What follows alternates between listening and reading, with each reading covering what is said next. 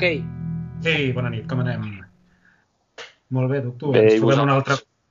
Eh, Bona nit. Molt bé, molt bé. Bona nit.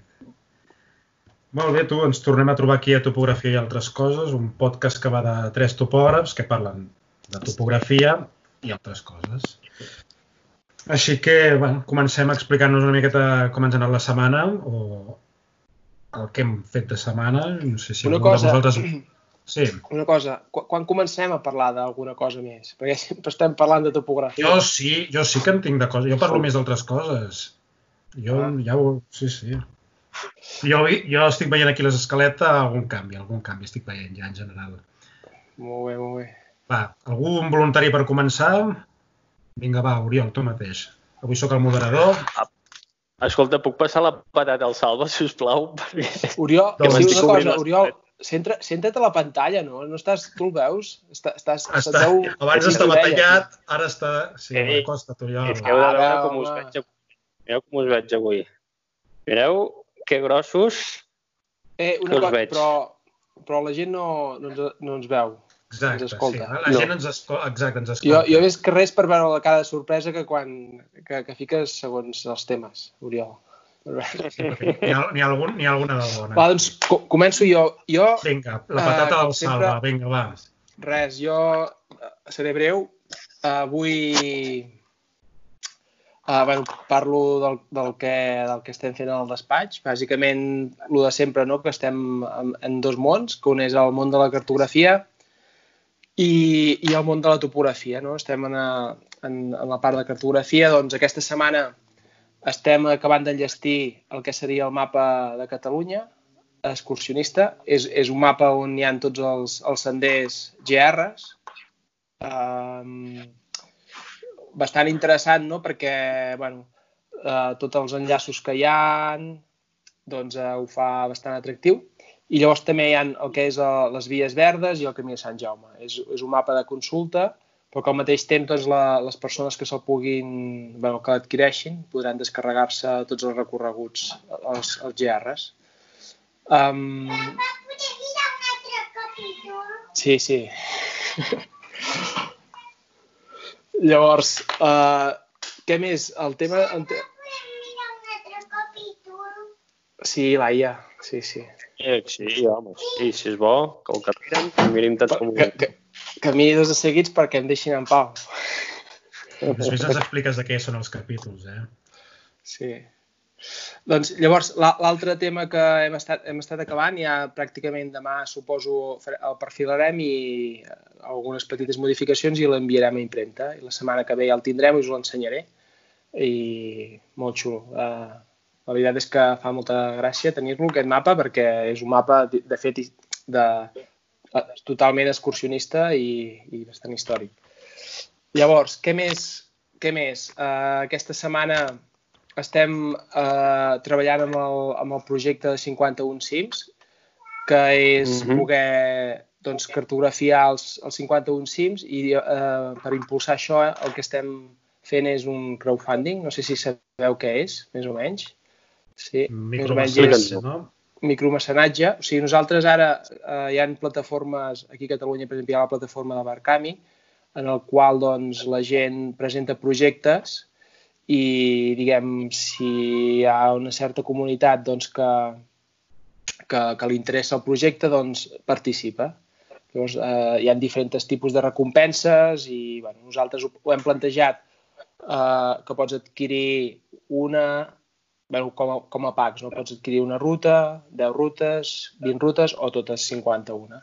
Llavors aquí el que presentem és el projecte 51 Sims per una banda, que és la part més, més emocional i de repte, és com un repte doncs, de que qui pugui aconseguir de fer els, aquests 51 Sims. I, i per l'altra banda també pla, plantegem doncs, el que és la, la plataforma que estem desenvolupant doncs, de, de rutes digitals. I per què fem el crowdfunding? Doncs fem el crowdfunding primer per, per, per compromís, per fer créixer la plataforma i per, per de cop doncs, que en aquesta plataforma de rutes digitals doncs d'aquí a, a, el que seria el març vinent doncs tinguem ja 51 rutes més dintre, dintre de les 30 que ara tenim. I així és, doncs, hem iniciat aquesta, aquest, aquest model, aviam com, com ens funciona, i, i tenim pensat doncs, en un futur doncs, fer-ho amb altres temàtiques també. En aquest cas seran els 51 cims, en alguna altra temàtica doncs, seran les rutes familiars doncs, doncs del Barcelonès, del Girona i, i així eh, successivament. No? I aviam com ens funciona. I bé, eh, avui hem estat tres hores reunits parlant del que és el, la part de vídeo. Uf Tres hores, tres hores. Però ha estat, ha estat molt interessant Uf. perquè ens ha ajudat molt... Sí, és que, clar, nosaltres aquí el que estem fent és, és com una doble, doble explicació de, del, del que volem presentar. Per una banda, expliquem què és aquesta temàtica dintre de crowdfunding i per l'altra expliquem el que és el projecte el projecte de, de, no, de, de, de, de créixer en rutes. I van estar tres hores i ens ha ajudat molt, sobretot, a entendre una mica el que estem fent.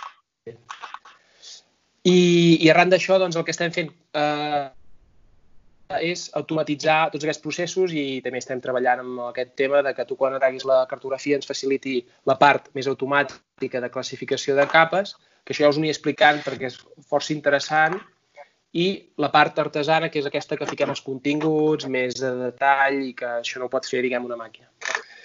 Aquesta és la part de cartografia, topografia, per, aquesta, per, pel que fa aquesta setmana, doncs ha sigut una mica divers. Uh, hem, hem estat fent certificats també de georreferenciació, en aquest cas de rústica, unes, unes, en unes masies bueno, una masia i dos coberts que no estan retrats, llavors, bueno, com ara el nou de georreferència, i bueno, eh, fa servir de menys, el més problemàtic ha estat anar a agafar les dades, no? perquè era, és, és, és una zona molt emboscada i, i clar, clar diu, vés a i veus la masia que està oberta de vegetació diu, i treu els límits de gana. Però bueno, jo crec que ens hem sortit força bé. L'altre tema que hem estat fent una aixeca i bé perquè anem per la previsió anem avançats, no? En aquest cas, de vegades doncs, passa al revés en aquest sentit i en aquest cas doncs, doncs anem molt bé de, de temps i, i tot gràcies a l'estació robotitzada. I, i, i llavors, Vista. només una cosa, uh, l'últim per acabar de, de, de la meva setmana us volia comentar perquè m'hi he trobat justament a, a, avui, m'han demanat un altre pressupost per tornar a anar a fer un altre aixecament, no? Llavors, el tema de voladissos i porxos. Uh, em vaig trobar en un, en un últim cas, no?, que, que et diuen, que et diuen vés, a, vés a mesurar aquesta finca, no?, o aquesta, aquesta casa, diguem, més ben dit. Per Llavors, tema tu, de limitació... De limitació, sí. Val, val. Sí. Llavors, què passa? Que tu, que tu agafes els, els el perímetre no? I, el, i les parts entrants, les parts entrants, clar, això per tu consideres que no és perímetre. Però l'últim cop, eh, la majoria dels casos no passa mai, però l'altre va, va succeir un cop que un dels arquitectes, que, que ell va comptar la, la superfície construïda, la comptava inferior. No? I, ostres, per què, saps? I el tema, el tema ve de que de, sabeu, no? quan és un porxo es compta de construir la, el 50%. Vale? I venia una mica així. I, i res, només era per, a, a nivell de, de comentari perquè això passa, no? Llavors ho has de tenir en compte, no? Llavors no, no, no hi penses, però a l'hora d'agafar les dades sempre doncs, poder agafar aquests porxos. No? Llavors pots trobar amb això que tinguin la construïda, bueno, en aquesta part de, de porxo li has de restar la construïda i no, no, no agafar directament el perímetre ai, la part de porxo és restar-li la meitat de porxo a la construïda. Jo crec que algun dia podríem tractar el, el, els entrants i els sortints també, les, les balconades, sí. i a partir de quan es considera. Bueno, sí, perquè jo això de la meitat és per mi és prim, com primera notícia. Sí, no, en principi jo, jo, el que és uh, cossos sortints, res, això no, no comptabilitza. Uh, però que ja acabo, ja acabo, ja, ja acabo, Marc, que m'esteu... Tranquil, tranquil, tranquil. És informatiu, no, és, són, és informatiu només. No, no compten. Només uh, compta el que són, el que són a, habitable. No, sí, el que és habitable. Llavors, un por... i quan es considera un porxo? Un porxo es considera quan, quan té menys de tres cares. Uh -huh. Val. Quan té més de tres cares, forma part de la construcció, ja, ja no és el 50%. Doncs ja I- tenim un tema Sí, per desenvolupar algun interessant. dia potent. Sí, Sí, bé. més que res perquè, clar, tu presentes la construcció... Jo em havia passat, no em havia passat mai, en aquest cas potser l'arquitecte va ser un tiqui, una mica tiquismiquis, en el sentit... i- Però clar, tu, tu comptes sempre perimetral, no? Perímetre, perímetre. Clar, ell, ell va restar, clar, en la, se, en la seva quadre de superfícies li sortia menys construïda, perquè la part de porxo l'havia comptat la meitat, no? I, bueno, va ser interessant i, i això. I aquí, Mm. i aquí acaba la setmana. Molt bé. Pel que m'ha semblat entendre, Oriol, vols seguir passant la patata fins al final? O... No, ja he pogut... És que m'heu enganxat que hem començat abans i, i no, no, no, no tenia l'escaleta preparat i avui que l'havia escrita... Ah, Val, vale, val. Ah, No, però ja totalment tenies escrita. Bueno, no, com Amb- vulguis. Jo pensava que tenies alguna altra novetat. Amb el... No, no, no. Ja serà que No, jo les novetats no Jo què sé, un penalti d'última hora, jo què sé. Ja callo, ja callo. Això, pot, es pot, això està obert, està obert de moment.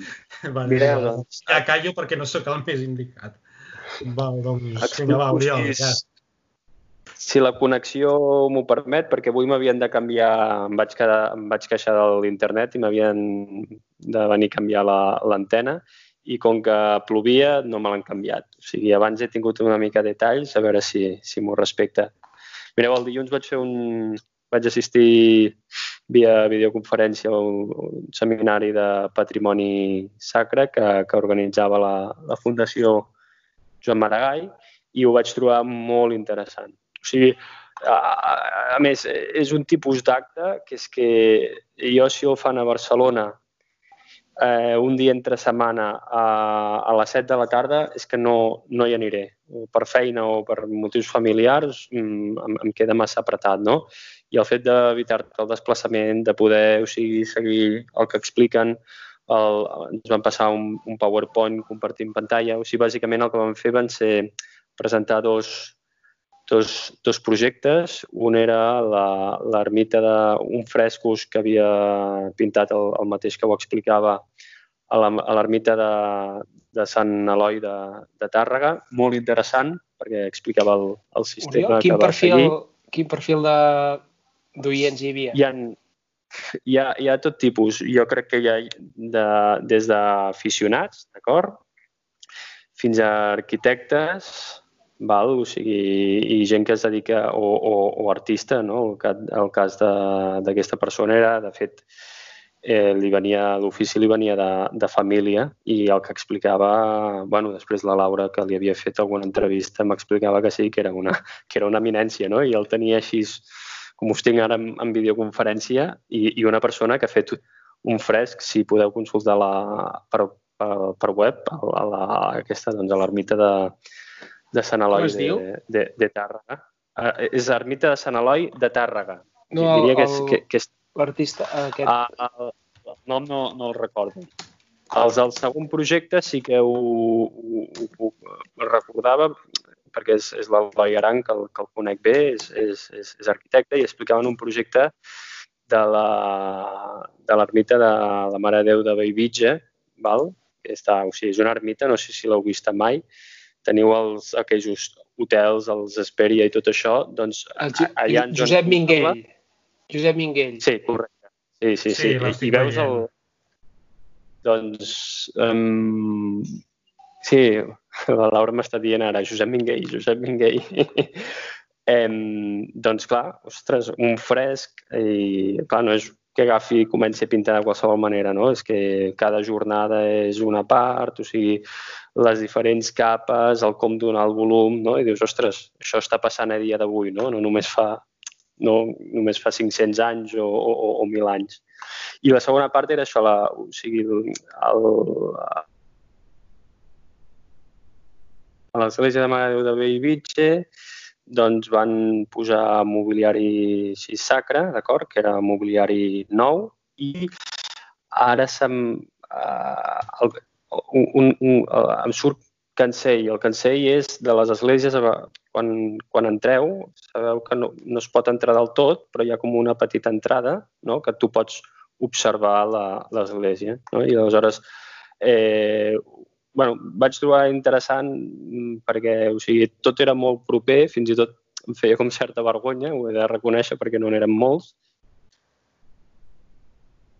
I en casos pràctics doncs, et passaven doncs, eh, eh, continguts, no? o sigui, eh, vocabulari propi i això jo ho trobo molt, molt interessant. bueno, això era una part. Després vaig fer també un, un aixecament per un, per un georreferenciat, de, un certificat, que no, no ho feia jo, sinó que era, que era, que era per, per un arquitecte. Uh -huh. Eh, I perfecte, no? perquè vas allà, fas l'aixecament, tenia alguna dificultat a nivell de visuals, però ell que em va ajudar i, i avui ja m'estava perseguint perquè li enviés la factura, que no li he pogut passar, però això, això s'agraeix, no? Gent que, que sigui tan ràpida de, de tot plegat. Eh, què més? Uh, sí, doncs, uh, ahir va ser un dia de, de reunions. De fet, vaig acabar amb vosaltres però al matí vaig tenir dues reunions eh, presencials pel tema de la cantera. Una part era amb, amb un tècnic de, de mines, una persona amb molta experiència, i després ens anàvem a trobar amb, amb la propietat. No? I vam, bueno, el, el tema, el tema s'està treballant a fons perquè hi ha, hi ha problemes greus. Eh, després a la tarda vaig, bueno, mm, vaig tenir reunió amb enginyeria, amb arquitectes, i bueno, bueno, eren dos, però, però amb una sola, i, i amb un dissenyador d'interiors que eren dubtes, preguntaven per tema de, del laser escàner. No? Aleshores, eh, de fet, derivats d'aquests, m'ha sortit una proposta d'aixecament amb, amb laser escàner eh, d'una casa d'uns 300 metres quadrats, val? amb façanes i, i interiors. Eh, què més? Ah, sí, una cosa xula que, que, que he fet és el disseny de, de les dianes val? Pel, pel laser escàner. Val? Vaig anar a la copisteria i el noi que hi ha allà és, em, disfruta amb la, amb la seva professió i li va agradar no? que li demanés una cosa nova. Ja jo us ensenyaré el disseny, no? pensava amb, amb un DIN A4 que per darrere sigui, enca, bueno, que sigui encartronat, no? Que molt en compte amb el, amb el plastificat pel, pel, propi, pel propi retorn del senyal. Eh, ella em va fer unes propostes i ja dic, bueno, ja les provarem, no? les calibrarem i, i a veure què tal funcionen, a veure si us les puc ensenyar. Això, això va, va ser xulo. Se m'ha acudit un suggeriment, eh, perdona que et talli, Oriol. Digues. Jo sí. sé perquè en tinc una, hi ha dianes d'aquestes reflectants a tamany, bueno, perdó, mida mm, quartilla o per l'estil, no sé si més grans. Sí. Jo en tinc només una que venia amb l'estació total perquè era per fer proves de calibracions i tal. Que no et pugui servir per mm, també georreferenciar algun topogràfic. Sí, ara que també ho podries com... fer en mesura sense prisma, però no sé, se m'ha acudit ara sí, així. Sí, sí, però com, com, com la poses? Amb geló o com la poses aquesta diana? No, perquè també és, és adhesiva. La, també la, la, la posa sobre, una, sobre un cartró així rígid o una fusta, bueno, no sé. Perdona que t'hagi tallat, eh? Et, et, et tens... No, no, és interessant. Et, ja, et, et cedeixo algun minut més, va. Ah, sí, dos minuts més. No, de fet ja, ja, ja estic acabant. No, eh? no, no, fes, fes, perquè vas, eh... encara tens temps, tranquil. De, de, de molta entrada de feina, o sigui, de, perdó, de molta possible entrada de feina, val? perquè o sigui, vaig comptabilitzar quatre feines, val? de les quals em, tres ja les tinc acceptades. L'únic que no les puc per tema paperassa, hi havia un tema de, de dues depuradores d'aquí al, d'aquí al Vallès, Marc, que ho vaig parlar amb tu, eh, que de fet no, no he pogut començar a fer l'aixecament perquè és allò que comencen a demanar paperassa, paperassa, i dius, soc autònom, mm. eh, a partir d'aquí demaneu una altra paperassa, no? Però, però bueno, ja em van dir tranquil, no hi ha pressa, quan, quan respirin i tot això ja, ja ho acabarem fent. Però és aquelles coses que potser m'hagués interessat avui no perquè plovia, però demà fer la, uh, els aixecaments un al matí i l'altre a la tarda perquè bueno, m'encaixi tot, tot, tot el que pugui venir. I per acabar, bueno, he fet moltes proves, vaig començar diumenge a la tarda de, de laser scanner. Val? Vaig estar aquí a casa, entre aquí casa meva i casa dels pares. Eh, us ha arribat alguna imatge per, per Instagram. Sí. Eh, bueno, doncs estic provant, o sigui, estic eh, provant la captura de dades, eh, eh, mesurant la productivitat no? en funció de, de quina densitat de punts es necessita per, per cada projecte, si es necessita fotografia, si es pot prescindir de fotografia. Clar, hi ha diferències eh, molt notòries. No? Podem passar d'un escaneig que no arriba al minut a un escaneig que són 4, més de 4 minuts. No? I això, quan estem parlant de grans superfícies, doncs varia. O sigui, és allò... No, Salvo, parlàvem tu la setmana passada, realment perquè es necessita, no? si és per un 2D, doncs amb baixa densitat i sense fotografia, això et dona molta productivitat. No? Clar. Estic fent proves aquestes, també estic fent proves d'incrèdul, de, de, de mesures, aquests tancaments que et posen, que tinc tancaments de 5 mil·límetres, val? De, de conjunts eh, amb 5 mil·límetres, i aleshores el que faig, avui aquesta tarda estava mesurant punt a punt no? amb, amb el programari i després anàvem amb el làser i amb la cinta i, i realment um, és, és impressionant. És, és impressionant, òbviament, clar, quan amb interiors la precisió és una i amb exteriors és una altra, eh? és el que ja havíem parlat. Però bueno, fem proves, passant consultes a l'EICA, d'acord, perquè hi ha coses que, que m'esperava una mica diferent, d'altres que bé, i ja ens adaptarem i ja està. Però, bueno, tirant de, tirant de manteniment, ara. I ja està. Molt bé, molt bé. Molt bé. Va, crec que estem complint bastant, eh? Ara ja, també que... modereu-me a mi, eh, també. Sí, sí, oi té eh... Marc, com que sí. no has parat d'ensenyar aquí un rellotge, jo... ara... Però no, no, és, no és censura, és, és informatiu perquè us dosifiqueu, no... Va, vinga, que ho estem... Ganes, eh? No, no, no, perquè jo no, jo no sé ser dictador ni aquí d'això. Fica, no. Aquí fica, aquí fica algunes coses més. Ara, ara, ara. Sí. Ara és, quan, ara és quan, quan es posa interessant. Va, jo, doncs, com que aquest podcast es diu topografia i altres coses, començaré amb altres coses, perquè potser és del que acostumo a tenir més últimament. I potser la més important és que aquesta setmana he començat rehabilitació per la mà i la veritat, molt bé, gràcies, Oriol. Estic content perquè, perquè realment jo m'esperava que arribaria amb la mà super encarcarada, encara la tinc, i quan em van fer la primera visita ja em van dir que encara ho tenia prou bé i vaig pensar, bueno, sembla que, bueno, que, que, bueno, que la cosa va bé i que una mica de paciència i treball i vaig mica en mica en mica progressant. De fet, tinc intenció de potser provar de conduir aquest cap de setmana, a veure si m'hi veig en, Carai, cor. Portar. Sí, no, més que res perquè també fa des del març que no agafo el cotxe i... De fet, de fet t'ho volia dir, Marc, què, què anar amb bici aquest cap de setmana? Jo en bici, de moment, no... bueno, ja parlarem de bici després, d'aquí una estona. Aleshores, bé, aquesta per mi potser seria la cosa potser més important perquè, ostres, tu, necessito ja tenir la mà a tope per poder fer coses. Aleshores, després, petit detall, després de tres mesos he passat per la pelo i m'he rapat, o sigui... Sí, que es nota, i ho vaig notar. Esper, I fins i tot, i fins i tot m'he feitat, perquè amb, amb la mà esquerra no m'atrevia a fer cap desgràcia i espero que, que corri l'aire, refrigeri el cervell i serveixi per a alguna cosa. I per rematar el tema de topografia i altres, bueno, d'altres coses, perdó, com ja us vaig dir, estàvem al pla renove de la bicicleta i eh. com a pla renove m'implicava vendre'm la que ja tenia, perquè si no, no tenia cap sentit. Però clar, com tothom, volem treure el màxim possible. I finalment, ahir a la tarda, poc abans de, Vigila no caiguis, Oriol. que la gent no ho veu, però s'està desplaçant amb el portàtil o la tablet per tota la casa. Està, està sencer, està sencer. Ell i el portàtil o la tablet. Disculpa. Cap problema, Oriol. si això sembla com un joc d'ordinador, tu. I finalment, ahir a la tarda, mitja hora abans de que ens reuníssim amb un altre company topògraf, vaig vendre la bicicleta. Això no ho hem explicat, eh? Per eh? veure la bicicleta.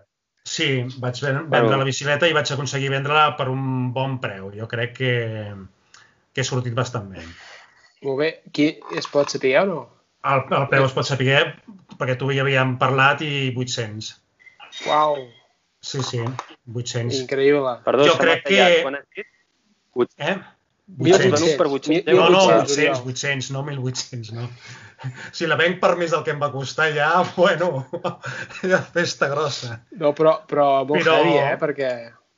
Jo crec que porto anys ja amb Wallapop i només et diré una cosa. Ahir quan vaig fer la venda vaig haver de borrar 19 converses sobre aquesta bicicleta. 19 més les altres que havia borrat feia dies perquè ni m'interessaven. O sigui, jo sabia que hi havia moviment i era qüestió de tenir paciència i de trobar algú que veiés que hi havia una mica de feeling, que no era un, un penjat i que no em vingués amb rebaixes ni res. M'estàs dient que estaves fent discriminacions... No, no, estava, bus estava buscant vendre el millor preu possible. Ah, Pensa que hi ha gent que m'ha ofert la meitat del que, del que m'ha he venuda. Home, Marc, l'altre no? dia li, li comentava a la Laura que si fèiem alguna operació d'aquestes a Wallapop et posaria a tu com a eh, mitjancer. Perquè ja veus. està clar. va, ja parlarem de la comissió, va. Però, però Sí, també sí, s'ha de s'ha- dir que, que aquí a Barcelona és guanyat. diferent, no? O Sí, que això... també, això ho reconeixo que només m'han vingut a veure tres persones, però clar, és diferent. Suposo que doncs, a Llerona doncs, que hi hagi tanta gent interessada en, en una cosa, per exemple, o, o a Olor, clar, no és el mateix Vic, a com Vic, a Barcelona. Vic, sí. bueno, a Vic, clar, és tanta gent concentrada que amb un cop de, de bus o de metro potser se't planta a casa i et ve a Posar veure... de punta a punta, clar, la... 3 milions, no? Sí, reconec que, que hi és més fàcil. Però bueno, també hi he jugat una mica l'experiència que ja porto des de fa potser 4 anys o així, venent coses. I res, ara saltant al tema de topografia, en el fons ha sigut bastant tranquil, bueno, molt tranquil·let. Per començar, tenia un topogràfic d'un client habitual, però que es va cancel·lar per, una mica per art de màgia, perquè una de les parts implicades ja tenia un topògraf, eh, una companyia d'aigües, i, i res, que al final em van dir, ostres tu, que estàvem coordinant el dia de la visita i, ostres tu, que em van dir que ja tenen un topògraf. I dic, bueno, doncs res, doncs ja em trucareu un altre dia, com que és un client habitual. Doncs I t'havien acceptat el pressupost? No, no, no havia fet ni pressupost. És que ja, ja és del client que potser he fet més feines, també s'ha de dir. L'anava a fer, però, mm, però ja és que no em va donar ni temps perquè ja em- ràpid em va tornar a trucar i em diu, escolta, Marc, què tal? I bueno, així es va quedar la cosa. Però bueno, obviant aquest petit detall, vaig estar rematant un tema de límits d'un dels topogràfics de la setmana passada, que és un d'aquests que jo us vaig parlar una mica a vosaltres perquè em demanaran de fer el projecte de parcel·lació. Falta averiguar una mica què és el que volen, que faci una mica de, de lineant, per entendre'ns, o de que realment faci el projecte i l'acabi signant, que evidentment per responsabilitats i tot plegat doncs és, és diferent.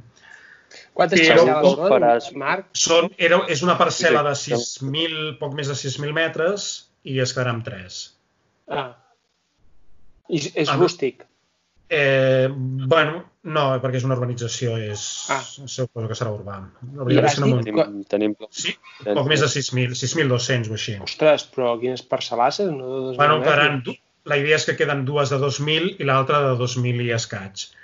Però, de moment, encara no he fet la consulta aquesta perquè hem d'acabar de solucionar el tema dels límits, perquè m'han escrit per dir-me ens reunim un dia d'aquests perquè hi ha alguna història que no m'han explicat i que ja, ja us aniré explicant en propers dies a veure com, com va, a veure si hi ha alguna cosa interessant. Sí, Petit incís. Els francesos, els geòmetres experts, quan vaig estar fent coses amb ells a- ahir al cartogràfic, eh, es feien creus que les reparcel·lacions en aquest país no les féssim els topògrafs. Ostres, que això Deia és veritat. Eh? Però com que la fan els arquitectes? Si els arquitectes el que fan són edificis i construccions, diu, Ja. diu tot el... Però aquí, Oriol, creu. aquí, per això, falta que, que, que ho sàpiguen els teus amics. Per això t'ho vaig dir, Marc, dic, els hi has ofert de fer-la tu? Perquè sa- ells, això els hi ve gros. Mm, Ara Sí. parlo molt així, però Sí, sí. ells, ells prefereixen... Ells volen fer construcció, projectar... sí. i Jo sé això- que i la, la parcel·la més gran se la queden ells i les altres dues les, van, les vendran. Sí, però vull dir, els arquitectes, dic, els hi ve gros, Sí. això de, de, de parcel·lar i tot això. Pot I al final, jo, jo, jo, aquest, eh, jo, jo n'acostumo a fer bastants, eh? Jo em porto Ah, que em queda forces, mig eh, de minut. projectes de segregació. Mana? És el, Em queda- et menjo... No, no, digues, digues, digues, tranquil. No, però vull dir que de, de, cara, de cara a nosaltres, eh, eh, deies Mhm. això, tu, Oriol, de que els francesos eh, se'n feien creus que ho fessin els arquitectes, Clar, és que al final, bueno, no ens, no ens ficarem en cap professió, però clar, No, és que no. sembla que tot... No, tot, tot ha de No, no, no, jo crec que no fa falta que ens tallem. I, i al final això els ve gros. Jo, jo, tot, jo em faig un pilot perquè els una segregació, fes-la tu. És que ja t'ho diuen directament, fes-la tu. Jo, les segregacions ja... Per què? Sí. Perquè tu vas a buscar els límits. Saps Mm. què és? Has de fer el projecte de segregació. Has de fer el projecte, ha- has de fer el, la, els certificats de, de georreferenciació.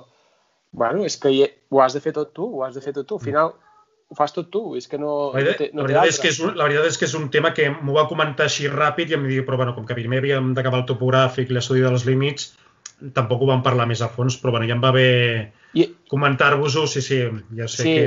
no, no, només una va, cosa. va, que Aquí, em queden només... per- Deixa'm em queden acabar tres de, temes de per rematar. comentar. Deixa'm acabar de rajar una mica, Oriol. És que em queden, Ai, tres, Marc. em queden tres punts. I el, No només això, que és interessant dir-ho. Sí, és Que interessant. això és problema, no, no, és interessant, és problema de la nostra facultat que, que, que això no, no, no, ens ho, no ens ho deien. No? I com saps que hi ha altres carreres, com de camins, també, totes aquestes, que els hi, dona, que els hi donen unes, uns aires molt, molt gra, de grandeses, a nosaltres ens, ens donen aires de petitesa més aviat. I això D'anar a és que... l'obra. A a- D'anar a obra. d'anar a- Sí, I, i, de fet, hi havia una que- assignatura i que, era nosaltres obra. no, i, i que nosaltres no, no podem fer aquestes coses. Nosaltres hem de ser els que, el que ens diguin. I no, és, no ha de ser així. Mm. Ja pots continuar, Marc. Va, no, no, tranquil. Val, aniré Però no és ràpid. menys preable, això. No, no, no, no, sí, sí, Sí. és que estan, cada, a cada minut estan sortint temes per desenvolupar. O sigui, I que, I que és Sí. el kit de la qüestió de la nostra professió. Mm. Però...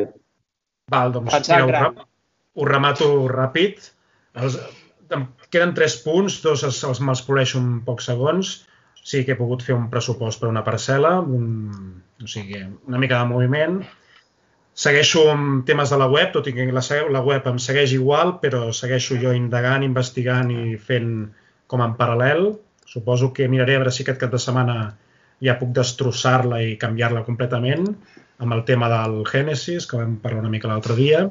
Quin, quin, I quin ja- theme, quin theme, Marc? Això és el que estic acabant de mirar-me, perquè no em costa veure quina és la flexibilitat que té cada tema i, i veure un que em convenci. Aquí ja sabeu que jo sóc una mica tiquis-miquis, encara que busco alguna bastant senzill, també. Eh?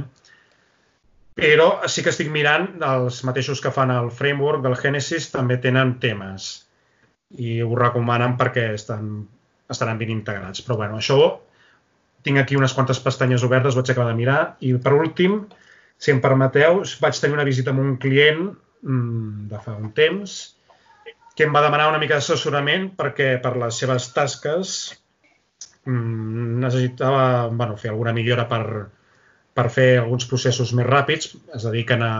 No és que em pugui parlar massa de qui és o de què fan, però, però més o menys ja m'ho va comentar una mica que per tema de competències que no sortís massa informació, però bueno, és un sector doncs, que hi ha una, abans de fer la pròpia feina amb què jo puc intervindre com a topògraf, té una part de preproducció per fer uns muntatges i aquesta és amb la part que vol guanyar una mica de temps i volia veure si hi havia un aparell de, que en aquest cas era de Leica, si li era útil o no, i és senzillament un disto, el clàssic làser, cinta làser, que suposo que n'heu vist algun cop d'aquests que van muntats amb trípode, que pots fer algunes Sí. mesures d'això una mica més... Però en, en què consisteix l'assessorament que t'han requerit? O sigui, era per veure si aquest, aquest aparell els hi podia ser útil o no.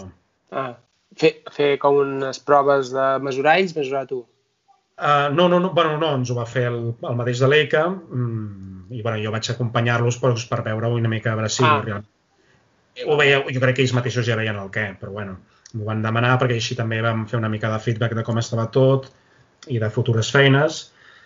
I, i bueno, és bàsicament el, el, el típic visto que tots tenim, però el que té totes les funcions de mesures i que va muntat sobre un trípode amb una ròtula com si fos, entre cometes, una, un taquímetre, però que evidentment per, ni per precisions angulars ni per res més ni se li acosta que et permet arribar a treure algun DXF de coses així una miqueta aproximades i et serveix per solucionar petits, petits um, llocs de treball doncs, per fer algunes mesures de, que no requereixin de certa precisió. I en aquest cas, Bueno, que és el, molt- el que realment vol... de sempre que porten. Mm. Jo, pel seu cas, mm, no, jo no crec que els hi recomani, potser per alguna altra cosa, almenys pel que m'estaven demanant, però per alguna altra cosa potser sí. Però crec que pel preu que val, fins i tot diria que amb un disto normal, sense tota aquesta parafernàlia, crec que inclús ja valdria, però eh, queda una miqueta més en l'aire, perquè bueno, potser alguna altra cosa els hi pot servir. I potser jo acabo perquè ara sí que m'estic passant i com a moderador molt malament. Escandalós. I més tenint en compte que jo sóc el que faig el tema de la setmana.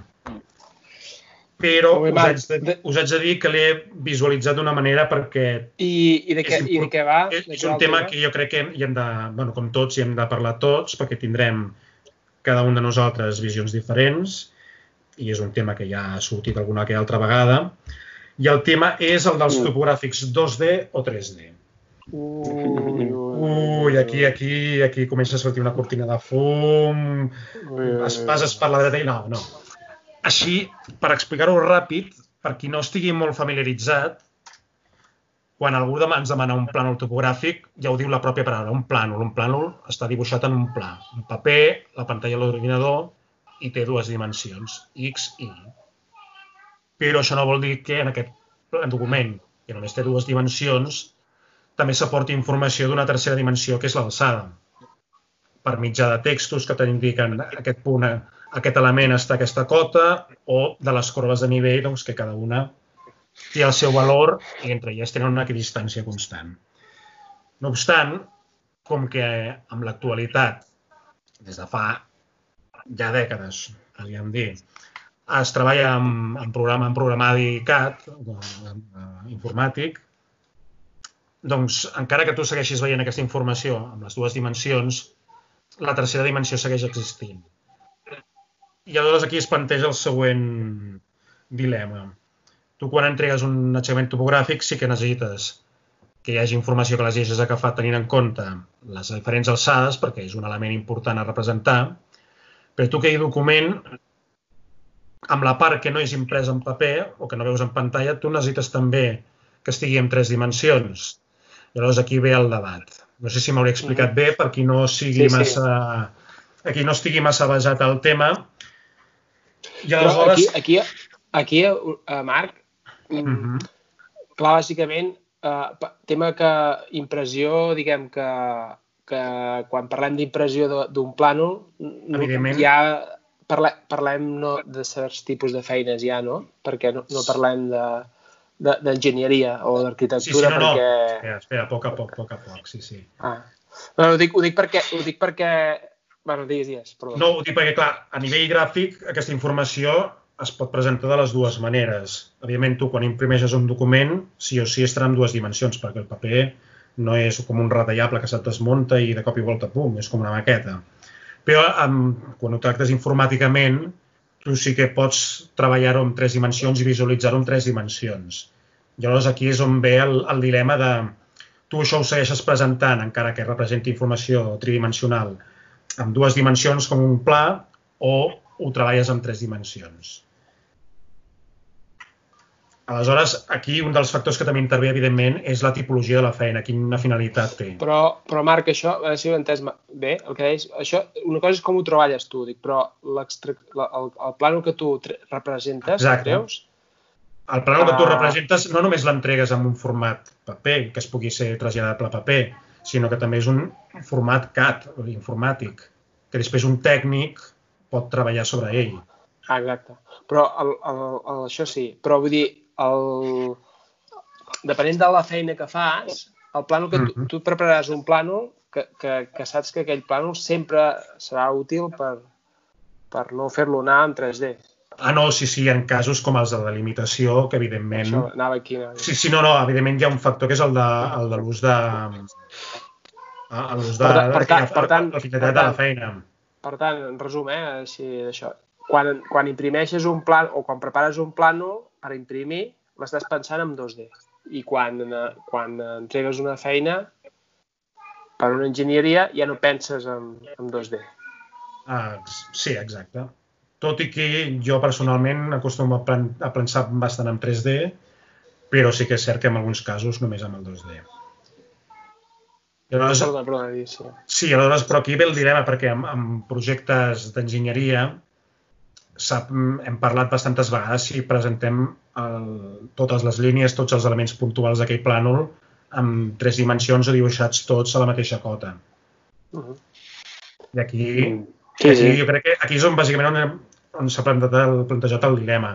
Jo personalment, eh, antigament, en altres llocs on havia treballat, es feia així. L'únic que es representava tridimensionalment en el CAD eren les corbes de nivell i potser les línies de trencament, és a dir, els caps El talús, que són els que et permeten generar les corbes de nivell, a part dels, i també els punts propis del topogràfic. Els punts... I tu, aleshores, a l'hora de dibuixar construccions, murs, arbres, arquetes, tot, tot això, antigament jo sí que ho havíem fet tot en, en 2D, però quan vam començar amb geolècnia ho vam canviar radicalment.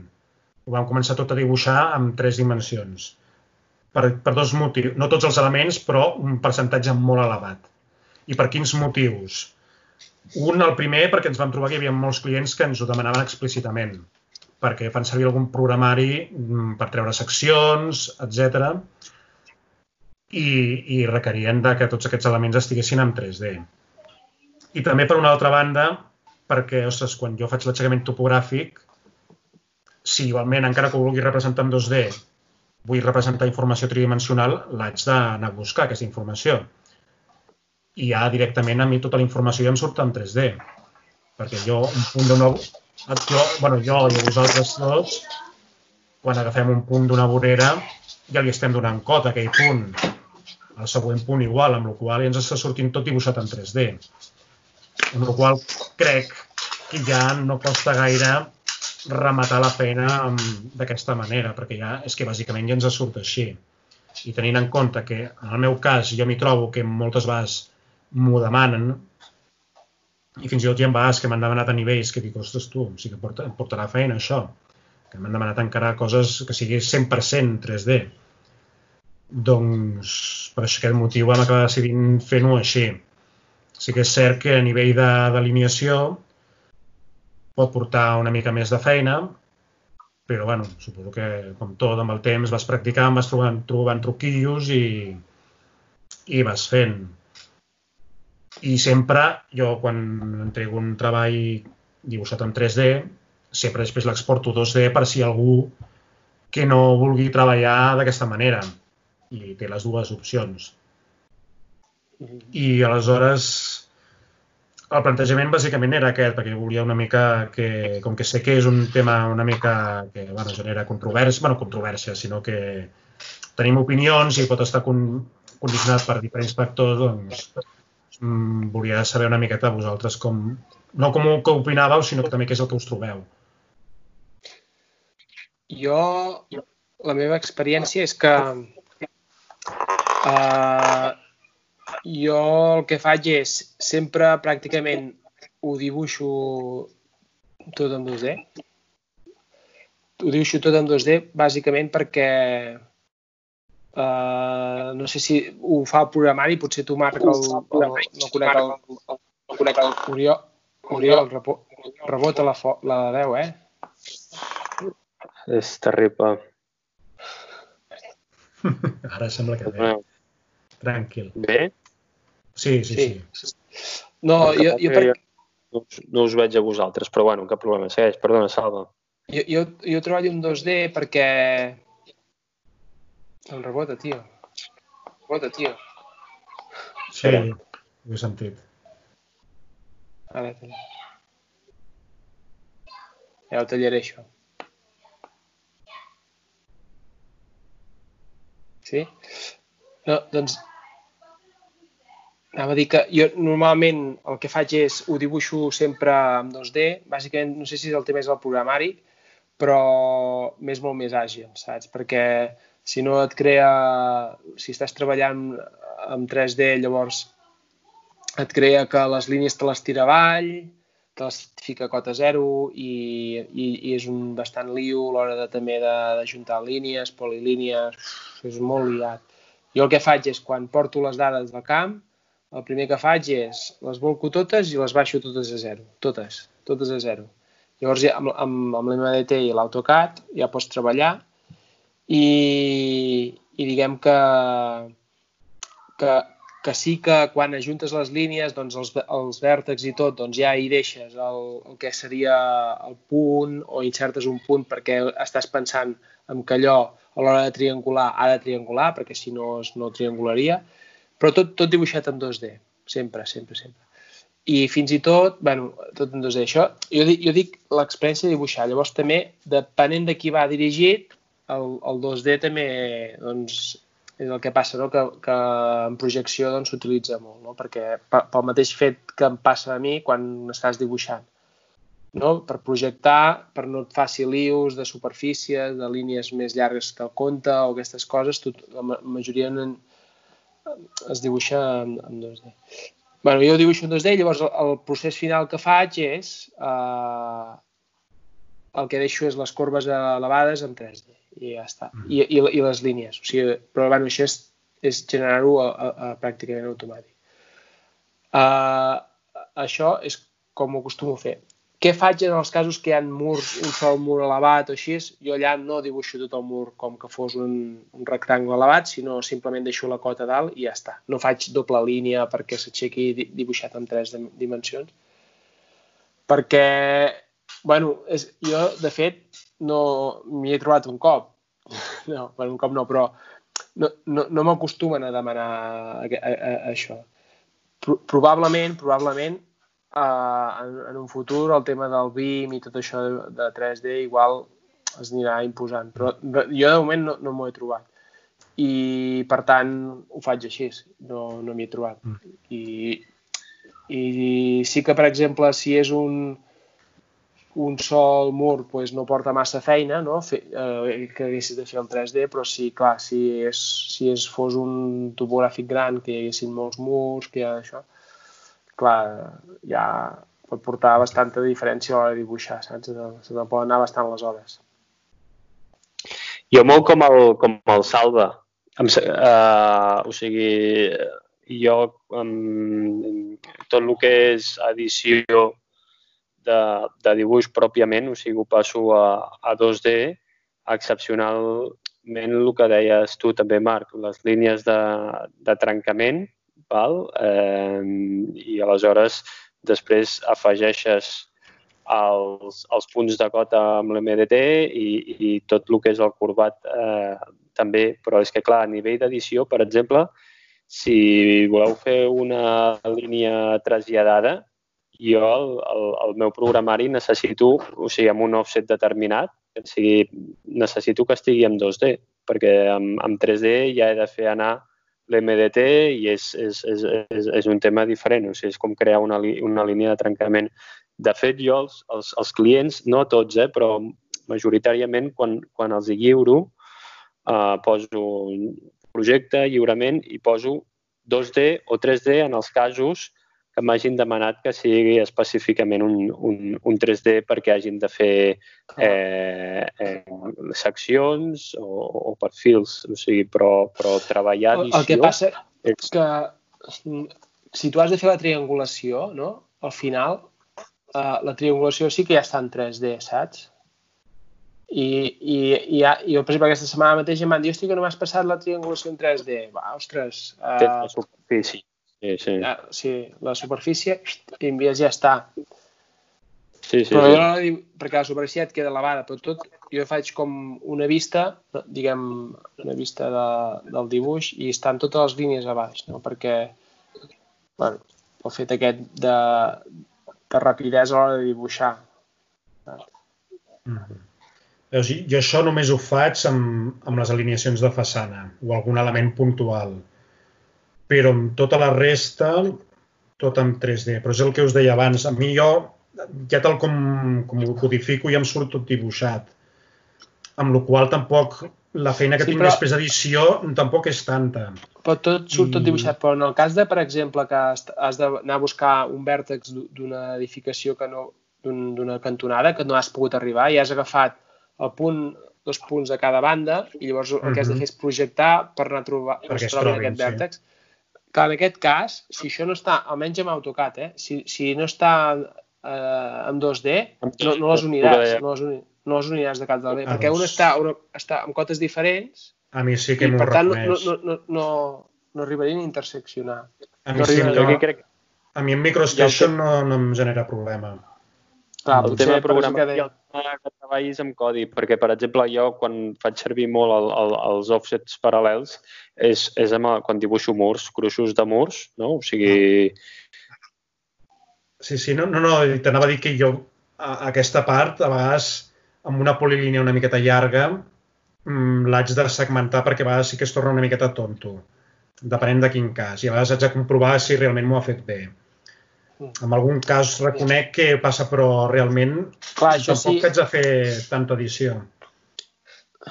No, clar, I- no, si no, pa... I també, a veure, també, I però, no, però no una semblar... pregunta, com, com, com, com s'interseccionen? Si, si d'això, si una queda per sobre Bueno, doncs perquè el, so, el software en aquell moment deu traspassar la informació a 2D i, temporalment i jo Però llavors, no sé. llavors eh, itera o fa, falseja la, inter, la, No, la, o sigui, la interpolació, la fa a la seva manera. clar, i no sé com, com ho fa, però o sigui, Tu quan, que tens... quan tens la tens una vista en diferent- planta, quan tens la vista en planta, intersecciona en planta. Després cada línia tindrà potser una cota diferent. Uh -huh.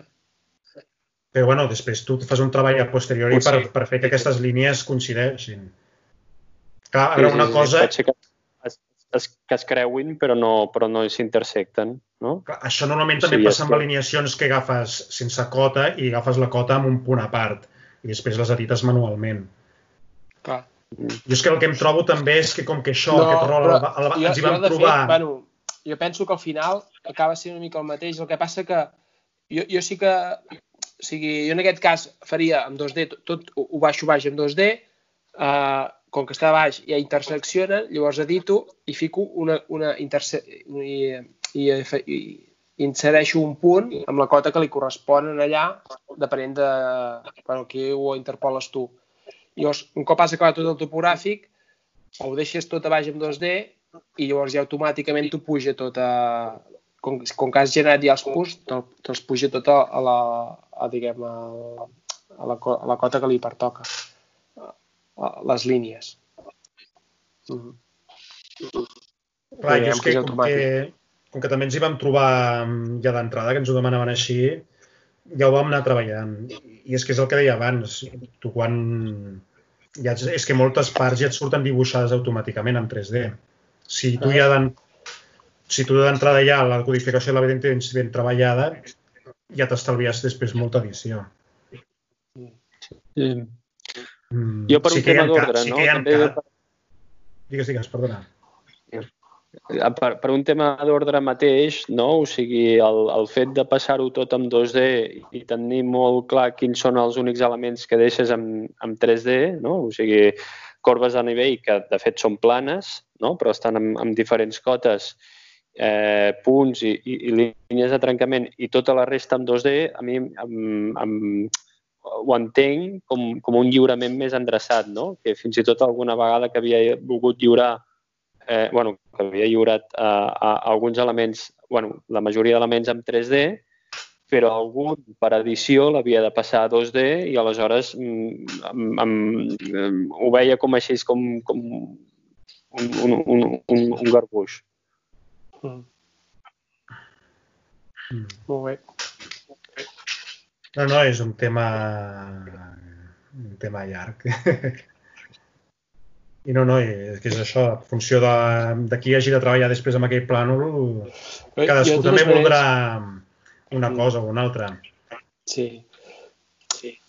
En, en general, en general ara potser, bueno, les enginyeries grans sí que tenen, tenen BIM i això i potser sí que ells eh, Hi ha arquitectes autònoms també m'hi he trobat, eh, que, perquè Sí? fan, fan, perquè m'ho han dit tema de renders, BIMs i tal, perquè clar, també hem d'acabar generant després clar, imagina't la, una típica parcel·la, després voldran que, que el client pugui tenir no només un plànol en planta d'aquella la casa, sinó, o, o alçat, sinó poder bé, veure tre, vistes 3D, llavors, clar, la base ja la volen també en 3D, perquè intenten generar un producte ja una mica, ja molt tirant cap al BIM, ja Mm, sí, clar, inclús, algú, de la- inclús algú m'ha preguntat si jo toco tema 3D Studios o BIMs i tal, o el, no, el Revit, perdó, i jo, bueno, m'he sentit a parlar, però, però no.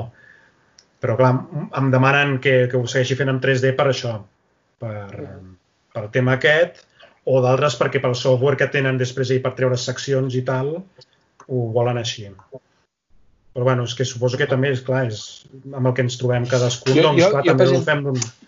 Jo la diferència potser hi ha, i, i que potser bueno, en el dia que m'ho facin doncs ho, ja, ja, ja ho faré, Mhm. però co- que m'ho requereixin. Jo, jo deixo sempre pràcticament tot així, ja eh, tot, tot perquè pugui triangular bé. El que passa amb el tema dels murs, jo fico només una cota dalt i els murs els, els aïllo. Diguem que no és... Perquè, perquè clar, suposa fer una paral·lela de 1 o 2 mil·límetres que quedi en, en retirada i pujar tot això a l'alçada que té. I Ah. si el mur és trencat i va pujant així eh, en forma d'escala... Això Això- no sempre m'ho han demanat, eh? Això, no és sempre m'ho han demanat. Això és una O sigui, aquest nivell, aquest Clar, nivell això alguna, és- alguna vegada ho he fet per provar, però m'ho han demanat poques vegades. Aquest Per tant, Una per tant un mur queda aïllat i la resta sí que està tot en... Bé, perquè ja els punts en si ja són en 3D. L'única cosa que, que per fer les, les línies de trencament doncs, doncs necessites doncs, interseccionar-te. No et pensis, això. també és, és anar buscant truquillos i al final Sí. després mm, vas fent i tampoc és tant. Eh, Ara tampoc estic fent un, un 100% 3D, posem un 90, depèn, no sé. eh. Atreviria tampoc ara dir una- un percentatge. Molt bé, molt bé. Tu, que, no? estem, estem a 4 minuts eh, de tancar això. Ja va. Hem, hem Ah, de sí, som- saludar. som- Són, són menys 10, són menys 10. Què dius? No? Grava, gra, gravació... Eh, Bueno, ja perquè hem començat abans, hem començat abans, és cert. Ah, vale, vale. no tenim tòpics preparats i de cop hem començat. Bueno, va, doncs tenim el tema per rematar la jornada, que són els tips, aquests petits consells o idees. Així que salva tu mateix. No, jo res, jo proposes? volia presentar aquesta setmana doncs, eh, una, diguem, un, un programari que, que em van demanar a l'escola de Quintanes, que és eh, l'escola de Quintanes doncs eh, hi vaig normalment cada any al, al període de, de febrer fins a abril, més o menys, a donar que serien classes d'AutoCAD, justament. I, clar, el, el problema que té l'AutoCAD no, és que el programari és molt car. I llavors, eh, ells des de, bueno, des de la direcció de l'escola, aquest any van decidir de no fer AutoCAD i van, van per canviar doncs, el que és el, un altre programa que, és, que, que, que ve a ser lliure no? I, i que sí, sembla molt però que no acaba sent no acaba sent l'AutoCAD però bueno, realment clar, com que tot també depèn del que t'estàs acostumant no? estem molt molt acostumats a l'AutoCAD i qualsevol cosa que et canviïn del que tu tens acostum mai serà el mateix no? doncs uh, res uh, era el Cucat, no sé si el coneixeu vosaltres, el A coneixeu? mi me'n me'n vas parlar tu fa relativament poc. Sí. I, I la veritat Ja, és que el- és... Perdona, Oriol? El confon amb el, amb el NanoCat. El QCAT és un altre, l'he vist amb. Linux. No, no, Sí, hi ha un que es diu NanoCat, que són russos, i és una plataforma molt potent que tenen la versió estàndard, que és gratuïta, i després els mòduls de topografia, de 3D, etc Ah, sí? etc són de És- pagament. Molt potent. Ah, està bé. Tenia una versió Oriol, xinesa que no sé com tu, es Oriol, vas diu. dir que feies servir un altre programa, oi que sí? Que va... Jo Quin- faig servir... El meu és de pagament, és el BricsCAD, d'acord? Però és com si haguéssim un germà de, de l'AutoCAD, perquè realment és, tot el funcionament és, és mm, igual. L'únic que canvia és el, el L'únic que eh, canvia? i a nivell de... L'únic que què? canvia? Què dius? Que és l'únic que canvia? Sí. És una mica l'entorn, no? La botonera. Ah, la botonera, l'entorn. però tant les ordres, les, com tot, és, és exactament el mateix. Doncs, bueno, el, el tema del Cucat jo crec que és interessant, no? Perquè, sobretot pel... Clar, eh, s'ha posat l'AutoCAD que, que és car, no? Per, per poder, suposo, una escola poder ensenyar tot això per el tema de llicències. I, bueno, és, és, és un programa que també s'assembla molt a l'AutoCAD i, la veritat, jo vaig estar, vaig estar uh, provant eh, i, i em va agradar moltíssim i dir que, que quan el tenia ja més o menys per mà, doncs hi va haver el tema del coronavirus i aquest any no hi va haver classes. Però bueno, ara, de cara a l'any vinent, doncs, doncs esperem que això, que, que sí que puguem ensenyar a Cucat. Mm. Jo aquí no dic res perquè com que sóc el raro que va amb MicroStation... T'haig de dir, ai, Marc, que MicroStation, jo, jo quan vaig començar a dibuixar, eh, vaig començar a dibuixar a MicroStation. Eh? I em va, em sí? Va, sí, sí, perquè eh, allà on estàvem, nosaltres fèiem projectes de cartografia. És curiós, eh? Perquè diuen que la primera feina en marca el rest de la teva vida.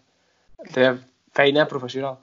I, i feien cartografia. I l'AutoCAD amb cartografia patava, o sigui, no, no aguantava tanta, tanta informació. Mm.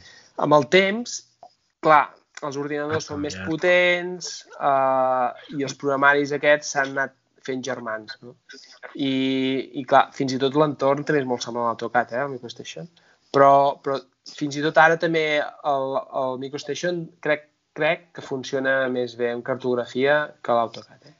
Però bueno, perquè... El, cartografia, el, el, el cartografia feien servir MicroStation. Sí, sí, per això, per això. I l'AutoCAD l'AutoCAD no funciona tan, tan bé amb, amb cartografia, però bueno, hi ha, hi ha apanyos, no? I jo és el que faig, que bueno, tinc tot separat per capes, les uneixo georreferenciada, amb referències i tot. Mm. Clar, jo, jo, per no extendre'm, vaig començar a manegar-me en programari CAD amb AutoCAD a la universitat, perquè és el que tothom movia, però quan vaig entrar a treballar a Costa em van dir, aquí fem MicroStation, i dic, vale, pues aprendrem una altra cosa. I tot just és quan començava mica en mica a desenvolupar-me una mica amb, amb el tema de dibuixar amb CAD. I em van dir, no és, no és per defensar el MicroStation ni res, que em van dir, ja veuràs com tardarà més. La sensació que vaig tenir era que em va agradar més, però clar, porto més de 12 anys treballant amb MicroStation i ja ni, ni me'n recordo d'AutoCAD, amb la qual se'm fa molt difícil Mira, opinar. Jo, jo vaig començar a dibuixar amb l'AutoCAD... Uh, hòstia, no sé ni com era. Era 11, sí, l'AutoCAD 11. Que no era 2011, sinó que era 11. I era a MS2. I al MicroStation hi anava... Sí, sí, sí. Hosti. En un entorn... Ostres, que ara... ara vas, començar molt, eh? vas començar molt jove, tu, llavors. No, no, era brutal. I a més a més, i a més a més, eh, ja estic treballant amb les mateixes funcions que feia servir llavors, perquè com que treballem amb el teclat, no. Amb, amb el te igual, idèntic, saps? Amb el teclat, i per tant allà hi ha, hi ha les icones, com que no hi hagi icones. I tot el que, totes les ordres que faig servir, totes són amb el teclat. Jo crec que es pot resumir que també som animals de costums i quan ja trobem alguna cosa ja no ens hi movem. Ja... Sí, sí. Però bueno, Exacte. Va, i tu, Oriol, què tenies? Vinga, va, a veure si em respecta la connexió. Eh, jo el consell que tinc per vosaltres és una revista molt coneguda que es diu Cavall Fort. Eh? I aleshores eh, em va fer gràcia perquè eh, no sé si era dilluns o dimarts, va venir un dels petits de costa la grava, costa molts diners, oi, la grava? o sigui, per tema de canteres, no? M'associava i, i jo li dic, bueno, Oriol, molta grava... Pots, sí. pots tornar a repetir que va venir aquí? Va venir... Ostres, està malament, se sent... Uh, va venir un dels petits de casa, no? Ah. I va, va comentar, diu, escolta, pare, diu, la gran... canteres. S'ha tornat a tallar, oi? Sí. La, eh, no s'ha tallat la part que hem sentit abans. Avui... Però anem avançant, no eh? perquè ara el va venir el petit a casa i va dir, escolta, pare... No.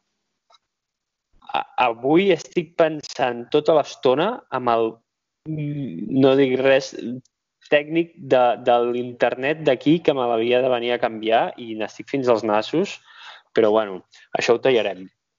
No, no, no, Vinga, des d'aquí fem una tornem... crida perquè li arreglin l'internet a l'Oriol, home. No, però és que, a més, o sigui, us, m'arribeu amb retard com de dos segons o tres segons tota, avui tota l'estona, tota l'estona, i, i vosaltres també, o sigui, és, és, és un... Bueno. Tornem a provar. Sí, a veure què Escolta, passa. pare! Em va venir el petit de casa i em va dir, escolta, pare, diu, això de la grava, diu, costa molts diners? i em va sorprendre, no? I, i ell ho associava amb, amb, amb el tema de les canteres.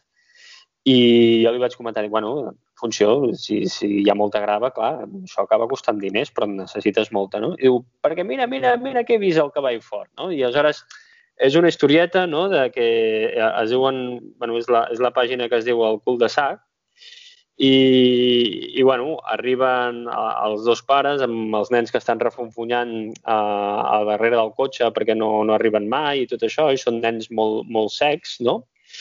I aleshores a, arriben a una àrea de servei, no? I, i diuen, què es venen aquí? Joguines, hi ha patates fregides, que m'ho expliqui algú, no? I l'altre diu, buf, puc quedar-me de morros dins del cotxe?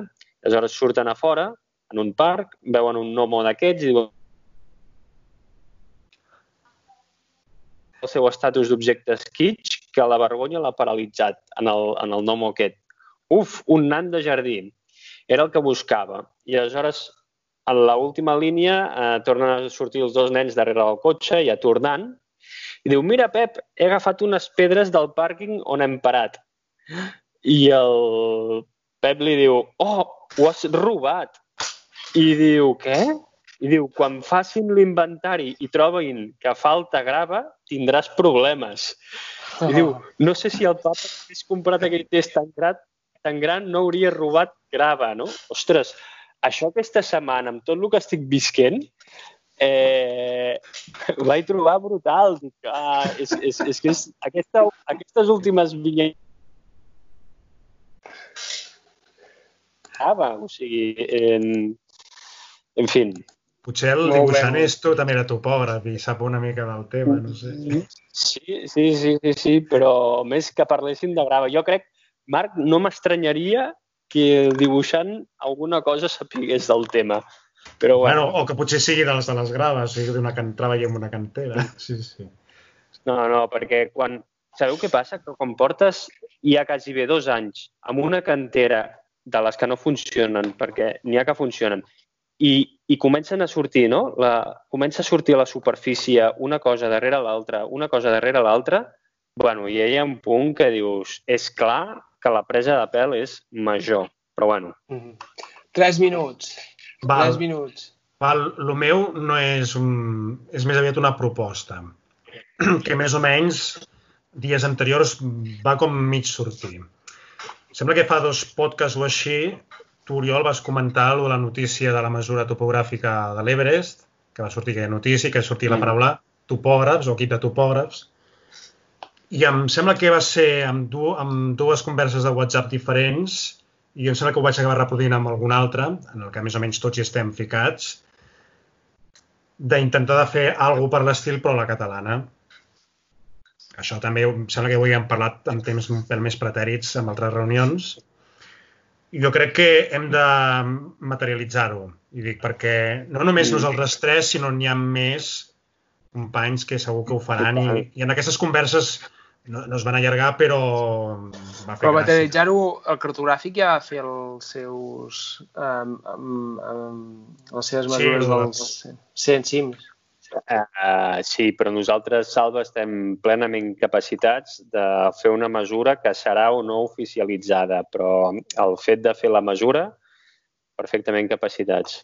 No, sí, jo crec que... això, això no hi ha dubte, però dic, mm. seria mesurar uh, el que no s'ha mesurat. Ja, però no és no, pel fet de, ja no, no és pel fet de mesurar, és, és per seguir donant visibilitat eh, i fer-nos... Eh ja, però, eh, però jo penso... I fer una mica... És... No, no, no, no vull pas ficar aigua al vi, eh? Al contrari, no, si no, no, jo, ja, ja. jo vaig anar a pujar un cop a, per fer unes fotos al principi que d'això, al Taga, no, no sé qui va venir, no? Ni vosaltres vaig posar amb els aparells al Taga per mesurar el Taga. Mm -hmm. No, no, no, sí. no, no, no, no, no és pas per això, és, és per, per dir, per fer una cosa, una cosa que sigui, no, no repetir, no el mateix, no? Seria, jo penso que seria interessant... Bueno, per, ara, ara ve la part final, no sé okay, si pot okay. tenir sentit, ara que l'Oriol té un aparell més, pot tenir sentit fer algun escaneig a la part de dalt d'un cim? No sé, eh? No, això seria... O alguna història, alguna història una miqueta friqui, no sé.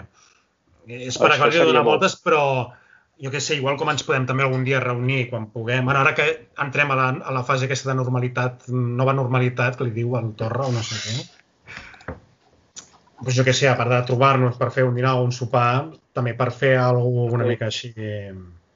Pedraforca des de l'enforcadura.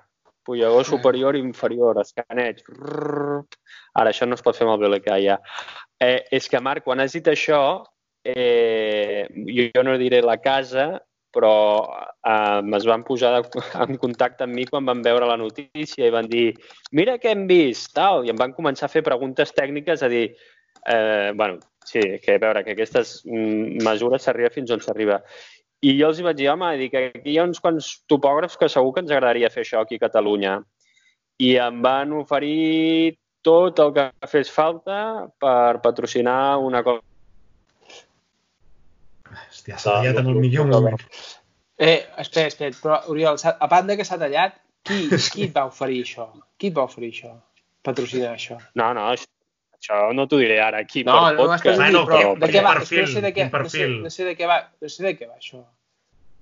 O sigui, em van, em, em van dir tot l'instrumental i tot el que es pogués ajudar a una campanya així, perquè això és el que feien els francesos. Però- Però... Amb els francesos es pot dir. Mesurar, mesurar els cims, de dalt.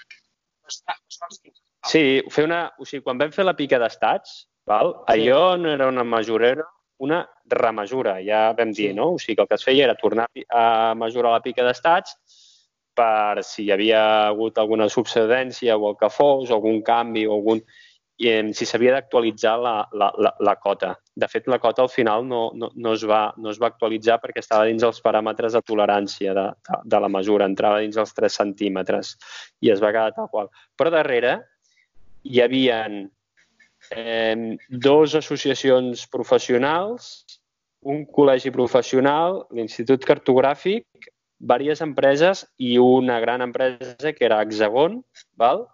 Que ho pagava tot. En aquell cas sí que va posar també van laser scanner, val?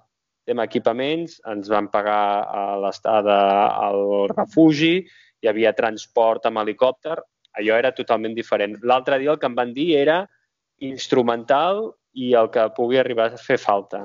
Però, clar, Però, això és una casa hòstia, concreta. Ja, ja, Marc? ja. Bueno, sí, ja, ja, ja home, no n'hi ha masses. No, però, però jo, jo és que...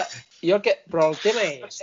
Jo, I en el tema fons, i és en el fons l'has dit, eh? que, que, a mi, que a mi així això és brutal, perquè és que el meu somni de la meva vida, el meu somni de la meva vida és poder, no, no, és poder anar a una expedició, fer una expedició, per, i, i anar, i, és igual, i anar al, al pol, és igual, fer una Hi ha un, expedició... hi ha un, i- play, hi ha un. Playmobil que és per tu, que és un... Sí. No, però, però el que vull dir és, la, la, Mm. la proposta aquesta és anar a remesurar el que ja s'ha mesurat, pregunto jo. Jo penso que potser hi ha altres coses interessants, no? Mesurar també de cims. Hi ha, hi ha, hi ha, hi ha molts, molts Això és 3.000 que, no, que, que, que hi ha 3.000 al Pirineu que, que pel tema aquest de ho és o no ho és, un 3.000, entren i surten, no? Perquè es fan remesures ara Sí. i entren i surten. Però, però s'han mesurat amb, molts s'han mesurat amb, amb els 5 centímetres d'error de- d'un d'un uh, un GPS convencional. Mm. Ara, és una I- proposta i- oberta, o sigui, no... No, no, treballem-ho. Ei, treballem això. Jo crec una cosa que no hem explicat avui que havíem d'explicar és que aquesta setmana ens vam trobar eh, eh, a un, un grup de topògrafs, nosaltres tres més un, perquè la resta van córrer, que, escolta, aquí pot sortir una xarxa de topògrafs eh, molt... Mm -hmm. A mi em va, em va agradar, va estar bé, tot i que... I, i, Bueno, uh, una cosa, és, és que a mi se'm va tallar. Es, es va quedar pel sopar o no per això? ahir estaves com l'Oriol. Sí, no, no, no vam, no vam Eh, concretar res, però Ah, ho hem de fer. l'Aleix l'Aleix em va enviar un missatge, val, al final, que em va dir m'ha agradat molt, però el proper cop un sopar. Mm. No, no, va estar bé. Bé, Contundent, eh? bé. Sí, Molt sí. bé. Doncs podem fer un sopar i parlar d'aquestes coses que jo crec una cosa així hauríem de fer, perquè això, a nivell tècnic, no té un gran secret. Deies els 5 centímetres, salva, però es poden fer mesures amb GPS eh, més precises, eh? o sigui, en funció de la, de, de, de la llargada de les bases, es fan observacions eh, més llargues i, i, i, i, i es pot arribar. I, I això, més que l'àmbit tècnic, que també, no? i a les cases els hi va bé per ensenyar la seva maquinària i tot plegat, és un tema de, de escolta, pues, si sabem que al diari de La Vanguardia hi ha una persona doncs, que li interessa tots aquests temes, doncs se'n farà ressò no? i altres llocs també se'n farà ressò. I es parlarà de la nostra professió i, i, i es posaran titulars, no? que va una mica lligat Sí, però el que dèiem abans. jo, jo deia, bueno, ja en parlem, sí. Jo deia que per no, si hi ha una cosa que ja està mesurada, buscar alguna una cosa Sí, sí. original Sí, sí, i, sí. Oh, i i tant. que no s'hagi mesurat, perquè llavors aquí poden sortir coses xules, no? Perquè que, Sí. remesurant una cosa estarem dintre tolerants, el mateix molt semblant, no? I, Mhm. i algo original de dir, va, com un, com un projecte, no? Estaria bé, estaria bé com un Mhm. projecte de dir, Tota anem a rem remesurar tots els cims que són 3.000 metres, 50 amunt, 50 avall. Perquè, eh, perquè això és, és, és, és super interessant, eh? Perquè hi ha molts cims que estan, Que entren i surten. que entren i surten. Per exemple, i, Mm. i aquí, I- en funció Aquí- de la decisió que fa servir poden entrar o sortir, o del propi moviment dels Pirineus. sí, sí, sí. Doncs, Va, ho, també- pense, ho pensem? Sí, Sí. sí. Vinga, va, i, i, la en parlem que més, parla... perquè hi ha un la setmana altre... que ve en parla... a, a, a veure com... Que... Què se'ns acudit? traiem? Va, parlem, parlem d'això. No, no, no, no. No? No? Dit de cada setmana que ve... Ah, aviam què se'ns acudit. No, la setmana que ve tema, ja parlarem de Tema. com una cosa més. Vale? Va. Acabar Molt bé, senyors. Molt bé, Vinga, A veure senyors. si la setmana internet nou ja, eh? Ho estem desitjant. Perquè, a més a més, s'ha tallat en els moments claus, quan deies la paraula clau. La vinyeta. Vinga, adeu. Patró. Apa! Vagi bé. Adéu-siau. Adéu, adéu, adéu.